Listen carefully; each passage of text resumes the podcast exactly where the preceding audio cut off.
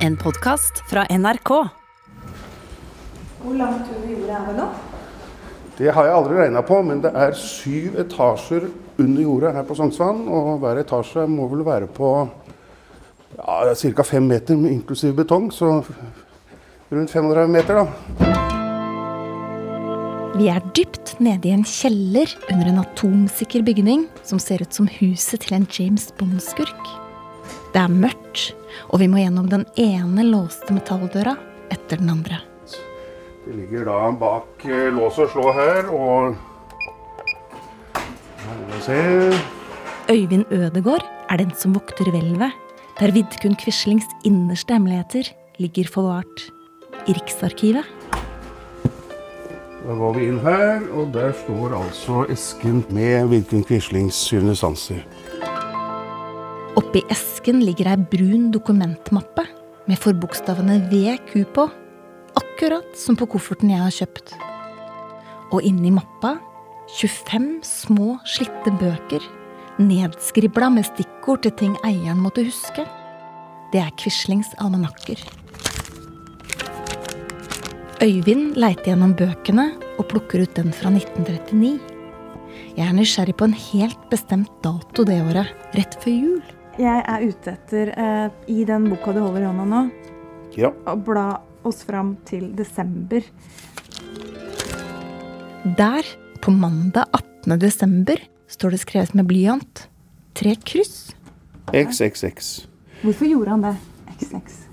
Sannsynligvis fordi at det er et slags kodespråk. da. Hvis denne faller i feil hender, så skulle det ikke stå rett ut hva som kommer til å skje. Ved siden av kryssene er det en mystisk forkortelse. Fire utydelige bokstaver i løkkeskrift. Avgi. Avgjørelsen. Avgjørelsen. Det nøyaktige øyeblikket da Quisling er med på å få Hitler til å invadere Norge. Selve landssviket. Skribla ned. Like tilforlatelig som en tannlegetime. For meg, Det er jo veldig spennende da, at eh, tre x-er kan brukes til å forklare utbruddet av andre verdenskrig i Norge.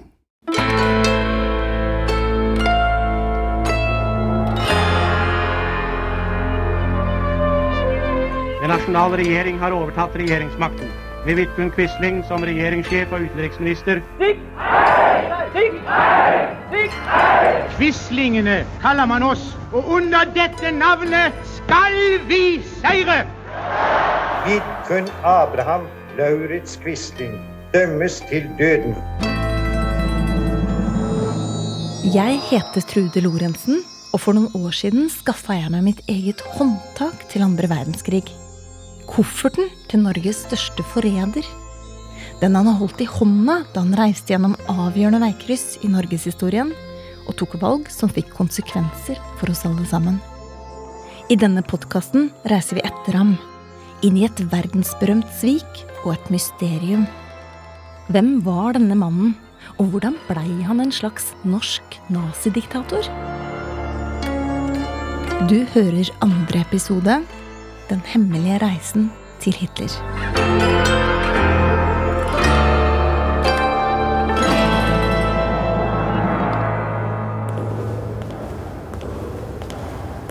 Vidkun Quisling, en tidligere nødhjelpsarbeider som har lagd sitt eget lille naziparti, har pakka kofferten og reist i smug til Berlin.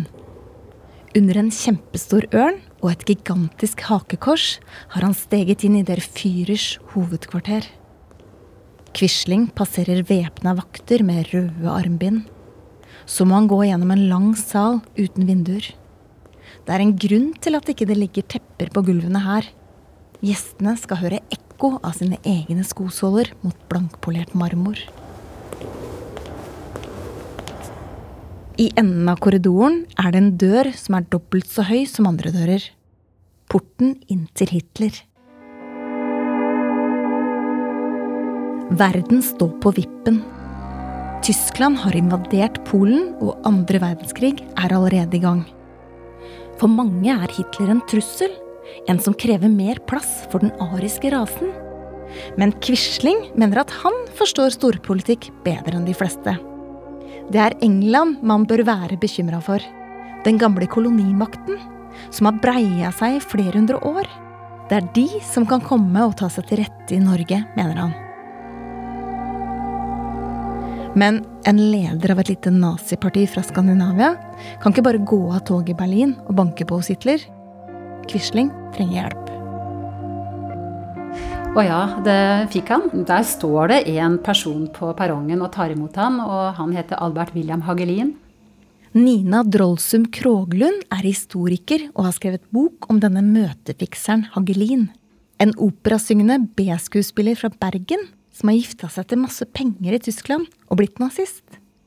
Hagelin er flink til å mingle med mektige folk. Var litt sånn skuespiller, ikke sant? så han var veldig sjarmerende. Og så hadde han eh, av omveier blitt kjent med to veldig viktige personer. Og den ene var sjef for den tyske marinen, og den andre var eh, Hitlers sjefs raseideolog. Og dette var nok en planlagt strategi, at han skulle bli kjent med disse to her, for å kunne presentere Quisling for Hitler. Bergenseren får de to tyske toppnazistene til å mase på Hitler. Denne nordmannen Quisling har noe å si, som de mener der Führer bør høre.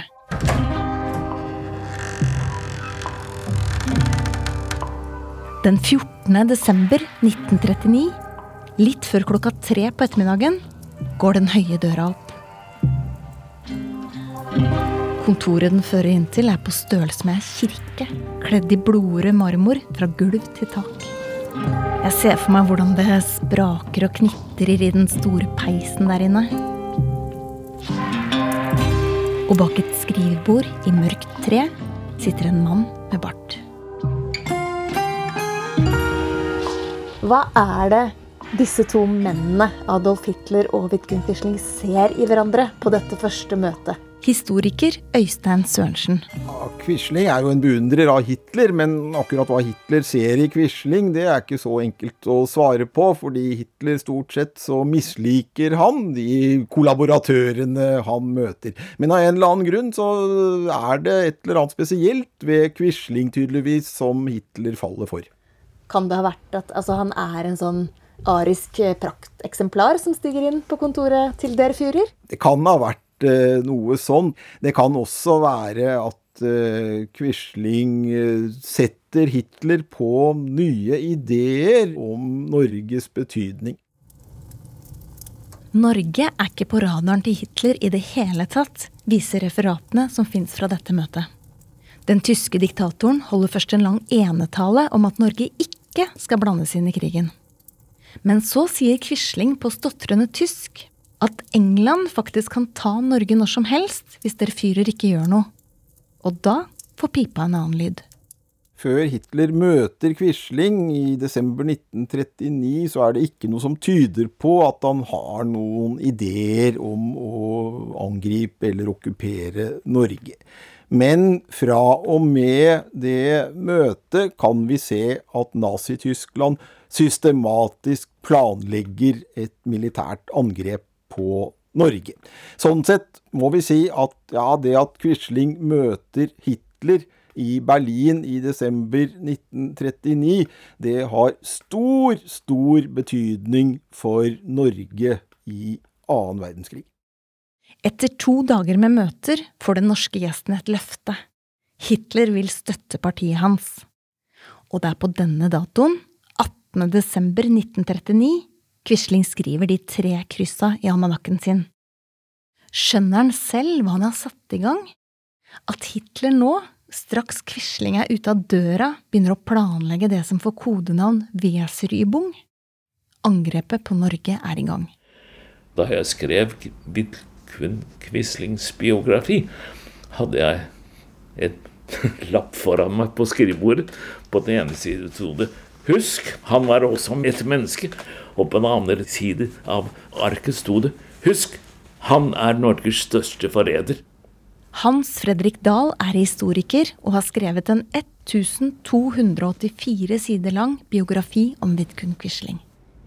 Han mener Quisling skjønner at han har gjort noe drøyt, og blir på lag med Hitler. Dette var selvfølgelig ikke noe han snublet inn i, men noe han ville.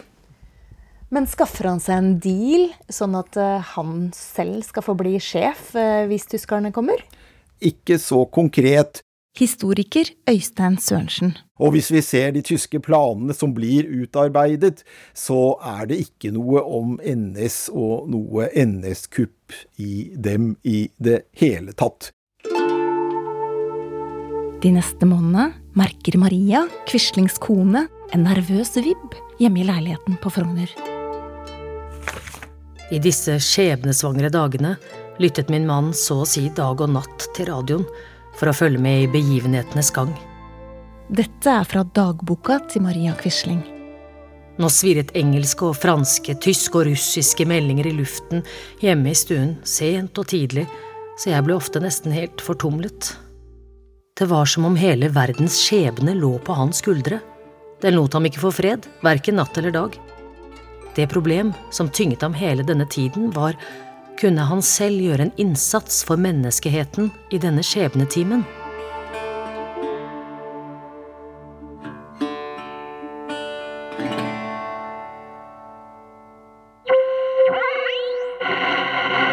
Oslo. Ved slutten av nyhetene har vi en melding fra Admiralstaden. Radionyhetene om kvelden 8. april 1940. Det bekreftes i kveld i en Stockholm-melding at betydelige tyske sjøstridskrefter i morges er gått nordover gjennom Storebelt. Antall av orlogsfartøy oppgis til om lag 50.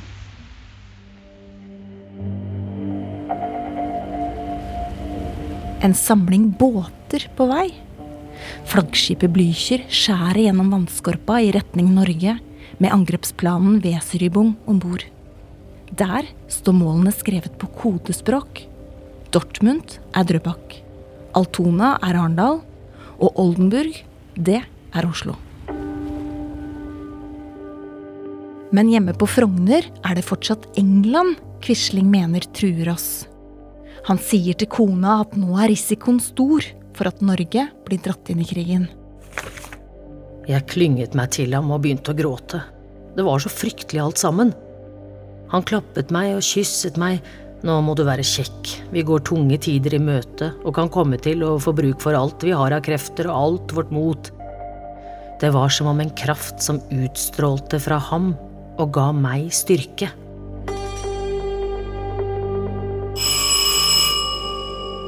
Den kvelden kommer det folk på døra hjemme hos ekteparet Quisling. Først dukker en av sekretærene hans opp. Så kommer Quislings nærmeste fortrolige, jødehateren Haldis Negård Østby. Begge sier at Quisling må ta inn på hotell. Nøyaktig hvorfor er uklart. De frykter at han kan bli kidnappa, sier de. Av engelske agenter eller gud vet hva. Han må finne fram kofferten sin, fort. I en fart pakket han de nødvendige saker, og alle tre dro av sted i fru Østbys bil som ventet utenfor. Jeg følte meg ensom, liten og forlatt da entrédøren slo igjen etter dem. Jeg visste ikke engang hvor han dro hen. Det er litt rart å ta inn på hotell ti minutter hjemmefra. Hva Quisling egentlig veit om hva som skal skje denne natta til 9. april 1940, er ingen sikre på. Men det som er sikkert, er at Quisling og kofferten blir kjørt fra Frogner til Hotell Continental som ligger rett ved Nationaltheatret. Der smugles han opp til rom 420.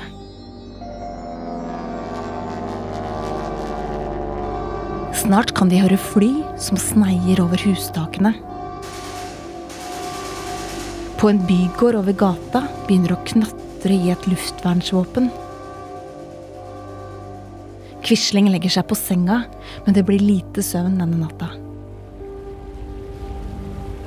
Ute i Oslofjorden glir krigsskipene gjennom vannet med slokte lanterner.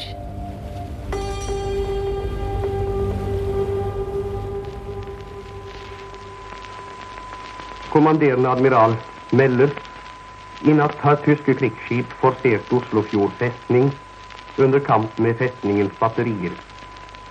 Klokka 4.30 meldtes om heftig kamp mellom en del av krigsskipene og Oscarsborg når tyskerne angriper 9. april, så er den tyske planen at dette skal gå helt greit.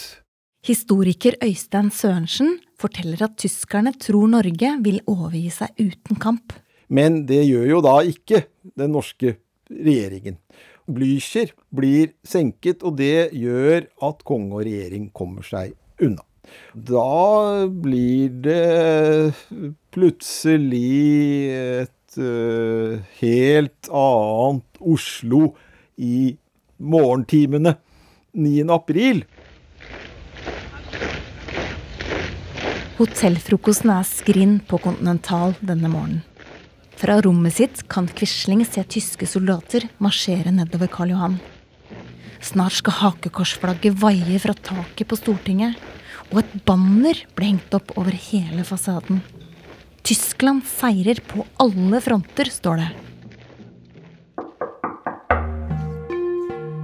Utafor døra til Quisling møter det nå opp folk. Den operasyngende møtefikseren fra Berlin? Flere tyskere? Quisling kaster jakka og rabler ned en tale på hotellets brevpapir.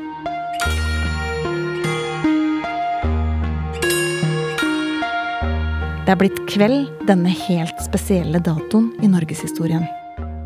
Noen minutter før sju går Quisling ut gjennom hotellresepsjonen med talen på innerlomma. Han runder hjørnet der kringkastingas radiostudio ligger.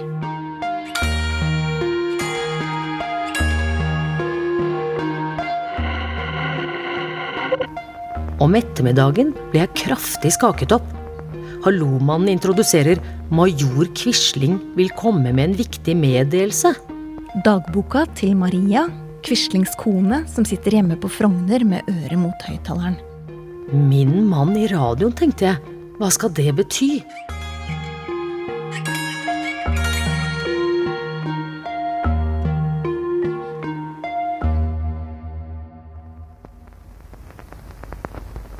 Norske kvinner og norske menn. Den nasjonale regjering har overtatt regjeringsmakten. Med Vidkun Quisling som regjeringssjef og utenriksminister.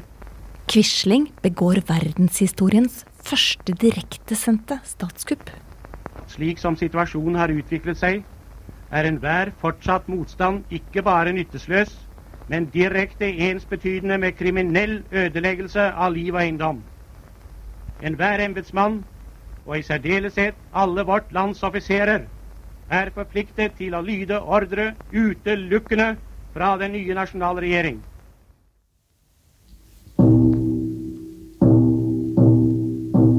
Seinere skal de norske nazistene lage et eget hørespill der de mimrer om dette øyeblikket.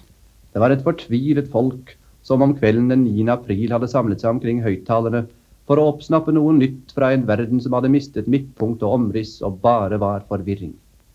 Men husker du slik som det virket da vi hørte stemmen? Ja, jeg husker det. Det var stort.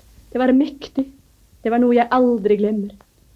Ja, hvordan tidene enn kommer til å arte seg, vil det langt inn i kommende århundrer være denne stemmen som blir husket når en snakker om den 9. april i Norge.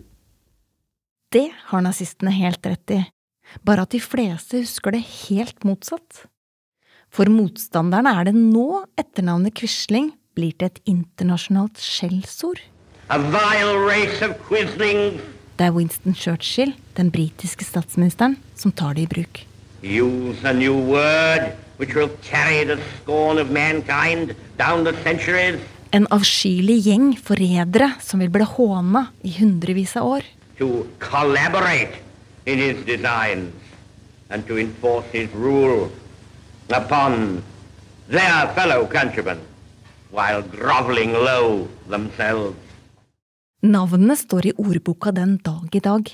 Quisling, et synonym til sviker, Judas, en som dolker deg i ryggen. Men for nazistene selv blir ordet Quisling en hedersbetegnelse.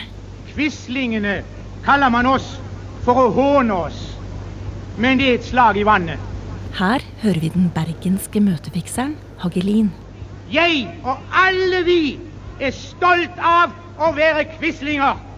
Vi synes det er et strålende navn. Og under dette navnet skal vi seire!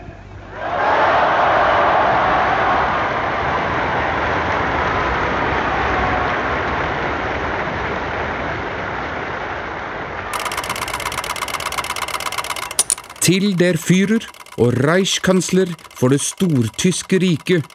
Dagen etter kuppet sender Quisling et telegram til Adolf Hitler i Berlin. Norges nasjonale regjering er dannet under min ledelse. Jeg takker dem på det norske folks vegne for den storslagne hjelp i siste time. Jeg uttaler det oppriktige ønske at de germanske broderfolk vil skape en trygg og stor fremtid i uløselig vennskap og samarbeid.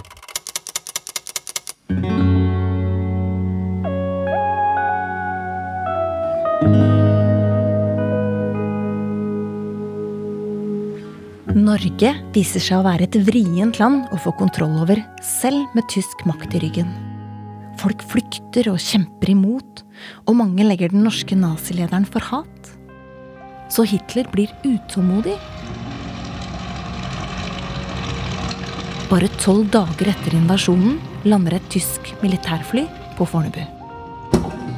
Utstiger en mann som ser så nazi ut at du skulle tro han hadde kledd seg ut.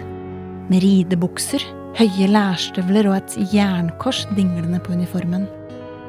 Han skuer ut over det nye landet med isblått blikk bak runde briller.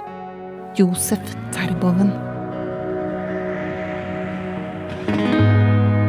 Han får tittelen reiskommissær og flytter inn i den forlatte kronprinsboligen ute på Skaugum. I hagen bygger han seg en bunker. Og så skaffer han seg noen snertne tyske sekretærer. Og et bordtennisbord. Terboven er den nye toppsjefen i Norge og skal bli kjent som en nådeløs hersker. Med han på plass bestemmer Hitler at Quisling må tre til side som statsminister, i hvert fall for en stund. Men han er fortsatt fører for det høyreekstreme partiet Nasjonal Samling, og om litt blir alle andre politiske partier forbudt. Det var ikke sånn Quisling så for seg at det skulle bli da han sneik seg ned til Hitler i all hemmelighet. Han vil at Norge skal være et naziland, men han vil ikke at Norge skal være okkupert, og han vil være sjef aleine. Da Quisling og kona Maria hilser på Terboven i et selskap, er stemninga kjølig. Det første inntrykket han ga, var i grunnen sympatisk, men ble litt ødelagt av det noe stikkende blikket. Da vi kom hjem, spurte Vidkun nå, hvordan likte du reichskommissær Maria? Motbydelig, svarte jeg. Det grøsset i meg da jeg satt ved siden av ham. På meg virket han lur og hensynsløs, usympatisk. Den mannen må du aldri stole på, Vidkun. Og forakten er gjengjeldt. Terboven syns Quisling er en dust. Dum i potens er ordet han bruker. Ifølge Terboven virker ikke Quisling bare litt tett i pappen, men dummere enn dummest. Han var en fange av Terboven og det systemet. Han måtte bite i seg eh, mye som han visste var galt. Dette er et arkivopptak med Per Jahr. En stemme fra innsiden av Nazi-Norge. Tettere på Quisling enn noen annen. Men han hadde jo et overordnet mål å bringe Norge så bra gjennom krigen som mulig. Og det mente han kun kunne gjøres ved at han satt ved makten, om man kan bruke det uttrykket. Så han var, han var en fange av Terboven og av, sitt, e, av sine egne mål. Bare 18 år gammel får Per jobb hos den norske føreren som koffertbæreren hans. Og jeg var jo ofte sammen på tomannshånd, da. Ja, han snakket til meg som en, som en far til en sønn ville gjøre. Fortalte historier, og han var en hyggelig person som menneske. Da Per snakker her, er han blitt en eldre mann. Men koffertbæreren skriver også bok om opplevelsene sine som ung. Han følger Quisling på NS-møter rundt i Norge, og mellom alle de høylytte talene får han se sjefen sin fra en mer privat side. Som da vi underveis til Steinkjer ble oppmerksom på en eldre mann som sto ved veikanten med en stor blomsterbukett i hånden. Det virket som om han ville rekke buketten mot bilen, så vi stanset, og jeg gikk ut for å ta imot blomstene til Quisling. Men det var så absolutt ikke mannens mening. Han skulle bare over veien, han, med en blomsterhilsen til sin søster. Da måtte også Quisling le.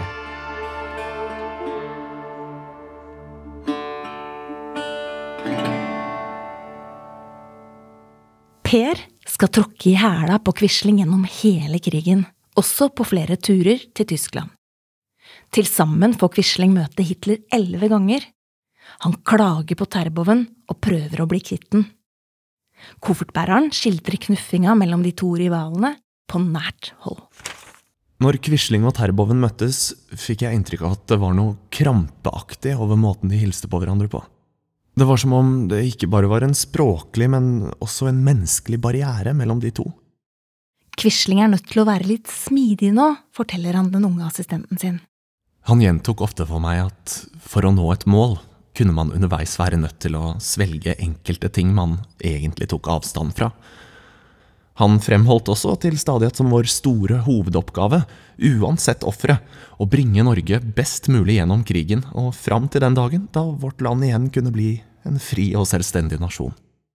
Og for å holde seg inne med tyskerne skal Quisling være villig til å bli med på ganske mye. God Akkurat deg jeg venter på. Så hyggelig, da. Så herlig. Og dette er riktig sted å møtes, ikke det? Dette er veldig riktig sted. Jeg møter Leif Grust på Frogner i Oslo, på et helt spesielt gatehjørne. Der bodde jeg. Annen etasje. Huset som Leif peker på, er Erling Skjalgsons gate 24. Tvers over gata ligger den staselige bygården som er nummer 26. Adressen til Norges største nazist. Det må jeg si er rimelig nære. Ja, det kunne vel ikke være stort nærmere, egentlig, med verdens beste utsikt til eh, begivenhetene, ja. Uten å vite det selv, bor Quisling og kona hans ti meter fra Leif, foreldra og lillesøstera. Vi var en eh, jødisk familie på fire. Helt alminnelig jødisk familie som helt tilfeldig kom til å bo i nærhet av denne, denne fyren vi snakker om, Quisling.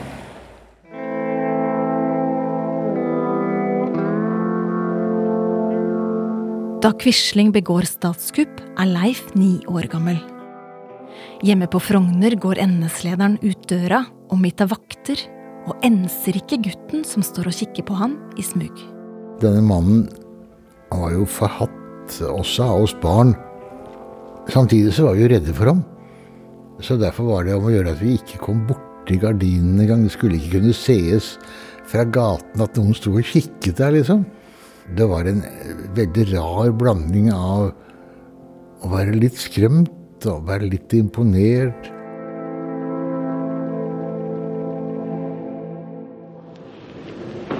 Ich möchte nun Herrn Staatsrat Quisling, Norwegen, Führer von Nationalsamling, bitten, das Wort zu ergreifen. I 1941 stiger naboen til Leif opp på en talerstol i Frankfurt. Meine Damen und Herren, På stotrende tysk holder Quisling et foredrag med tittelen 'Kampen mellom arier og jødemakt'. von allen norwegischen, allen europäischen Völkern sind die Nordgermanen und unter ihnen wieder die Norweger am wenigsten mit Juden gemischt. Quisling kaller jødene for parasitter. Han sier at det norske folket er blant de rasemessig reneste, men en apokalypse truer fordi jødene vil ha verdensherredømme. Selv om det bare bor et par tusen av dem i Norge, ber han Adolf Hitler komme og redde Europas folk fra faren som truer.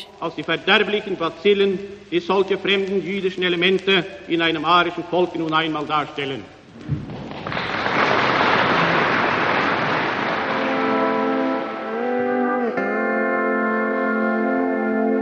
Det er på denne tida at utryddelsen av jødene for alvor begynner i Tyskland og andre okkuperte land.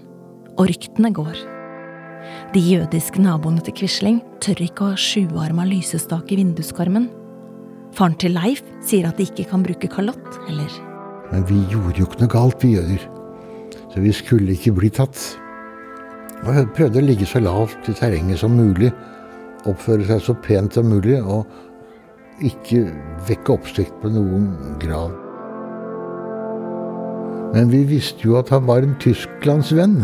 Han hadde jo vært med på å legge til rette for tysk okkupasjon av Norge. Så, så bare det å være Tysklandsvenn gjorde han jo automatisk i våre øyne til en mann som vi skulle ha ja, ikke bare respekt for, men som vi eh, helt naturlig også var redde for.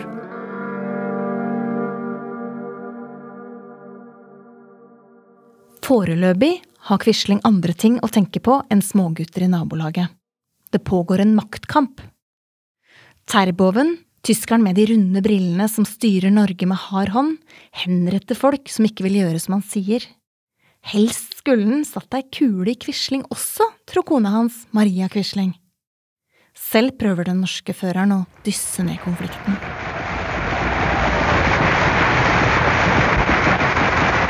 Quisling står foran en fullsatt sal på Colosseum kino på ettårsjubileet for statskuppet.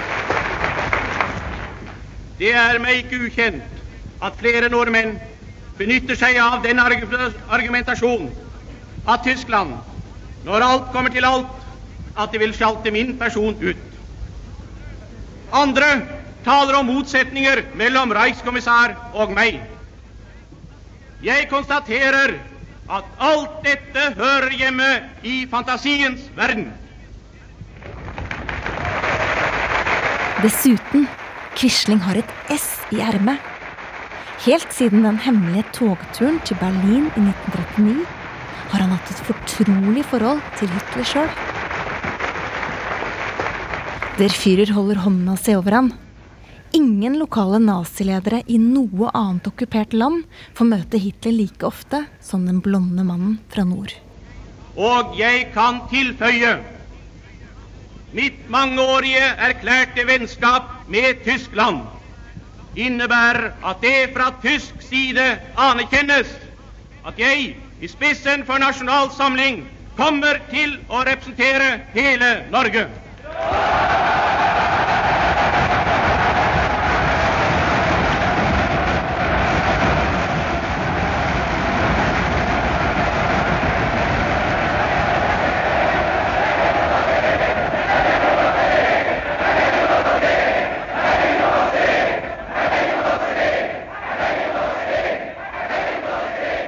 Hvorfor holdt Hitler på Quisling? Ja, det har vi lurt på. Historiker Hans Fredrik Dahl. Hva mente og hva forestilte Hitler seg? For det første så hadde altså Quisling satt ham, Hitler, på tanken å ta Norge. Det var jo til å begynne med en, en stor suksess for Hitler. Og for det annet, nettopp at han var upopulær, kunne kanskje bety at det tyske grepet om Norge var desto mer fast og desto mer nødvendig. Etter nesten to år med masing og godsnakking i Berlin får den ukuelige nordmannen et gjennombrudd.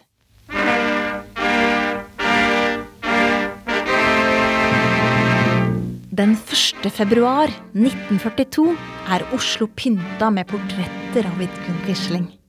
Det er norske flagg på trikkene, og fra stolper vaier faner med Quislings spesielle nazisymbol. Et gult kors på en rød sirkel. På Akershus festning er en propagandareporter på plass. Vi er i Håkon den femtes riddersal på Akershus, hvor en historisk statshandling skal finne sted. Alt som kan krype og gå av nazipamper, har møtt fram for å se Vidkun Quisling bli utnevnt til en ny, fin tittel som ingen tidligere har hatt i Norge. Ministerpresident. Nå kommanderes givakt. Alle reiser seg. I dette øyeblikk trer reiskommissær Terboven, Vidkun Quisling med følge inn i salen.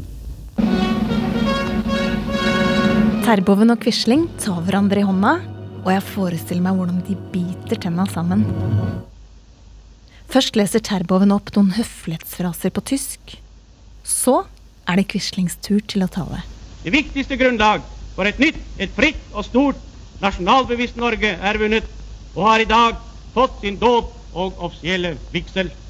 Derfor er denne dag, søndag den 1. februar 1942, en stor dag i Norges historie. Quisling sammenligner seg med de store norske sagakongene. Han mener denne dagen overgår alt som noen gang har skjedd i landet vårt. Større enn 17. mai 1814. Større enn 7. juni 1905.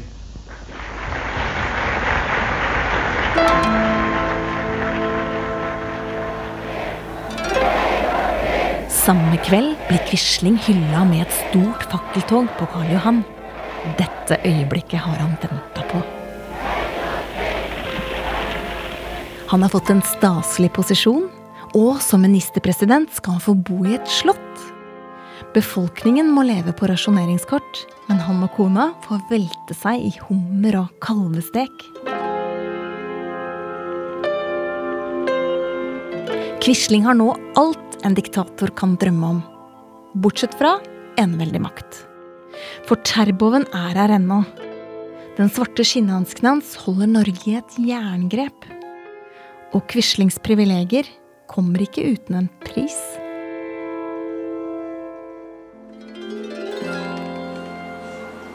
Nede i havna legger et lasteskip til kai. Donau heter det, og seinere skal det bli selve symbolet på holocaust i Norge. Det var jo rykter om at uh, man burde flykte, men hvordan gjør man det, liksom? Og så trøstet han seg selv, og, og kanskje også oss andre, med at dette går nok bra. Det er ikke så farlig.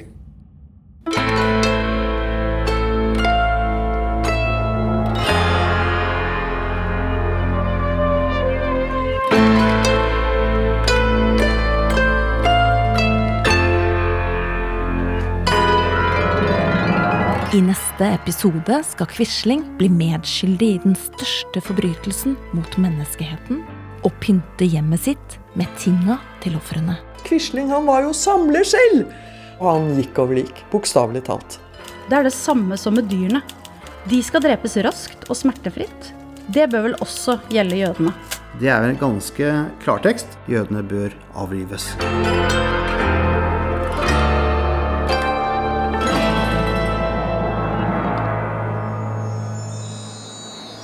Du har hørt den andre av fem deler av Quislings koffert, laga av Trude Lorentzen og Svarttrost.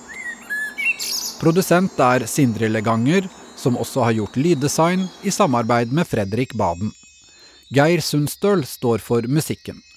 Prosjektleder hos NRK er Kjetil Saugestad, og Siril Heierdal er redaktør. Quislings brev ble lest av Morten Bergheim. Susanne Pålgaard leste fra Maria Quislings dagbok. Utdragene fra Per Jars bok Tre skritt bak ble framført av Scott Maurstad. Arkivopptaket med Per Jahr er fra radioserien Solefallstid av Per Bjørn Pedersen. Nazihørespillet Et folk finner sin fører blei laga i 1942. Andre kilder er bøkene Jeg var Quislings sekretær av Harald Franklin Knutsen. Hagelin, Quislings sekretær, av Nina Drollstum Kroglund. Berit Nøklebys biografi om Josef Terboven. Arve Juritzens bok Quisling privat, og Hans Fredrik Dahls store biografi om Vidkun Quisling. En podkast fra NRK. Du finner alle episodene i appen NRK Radio.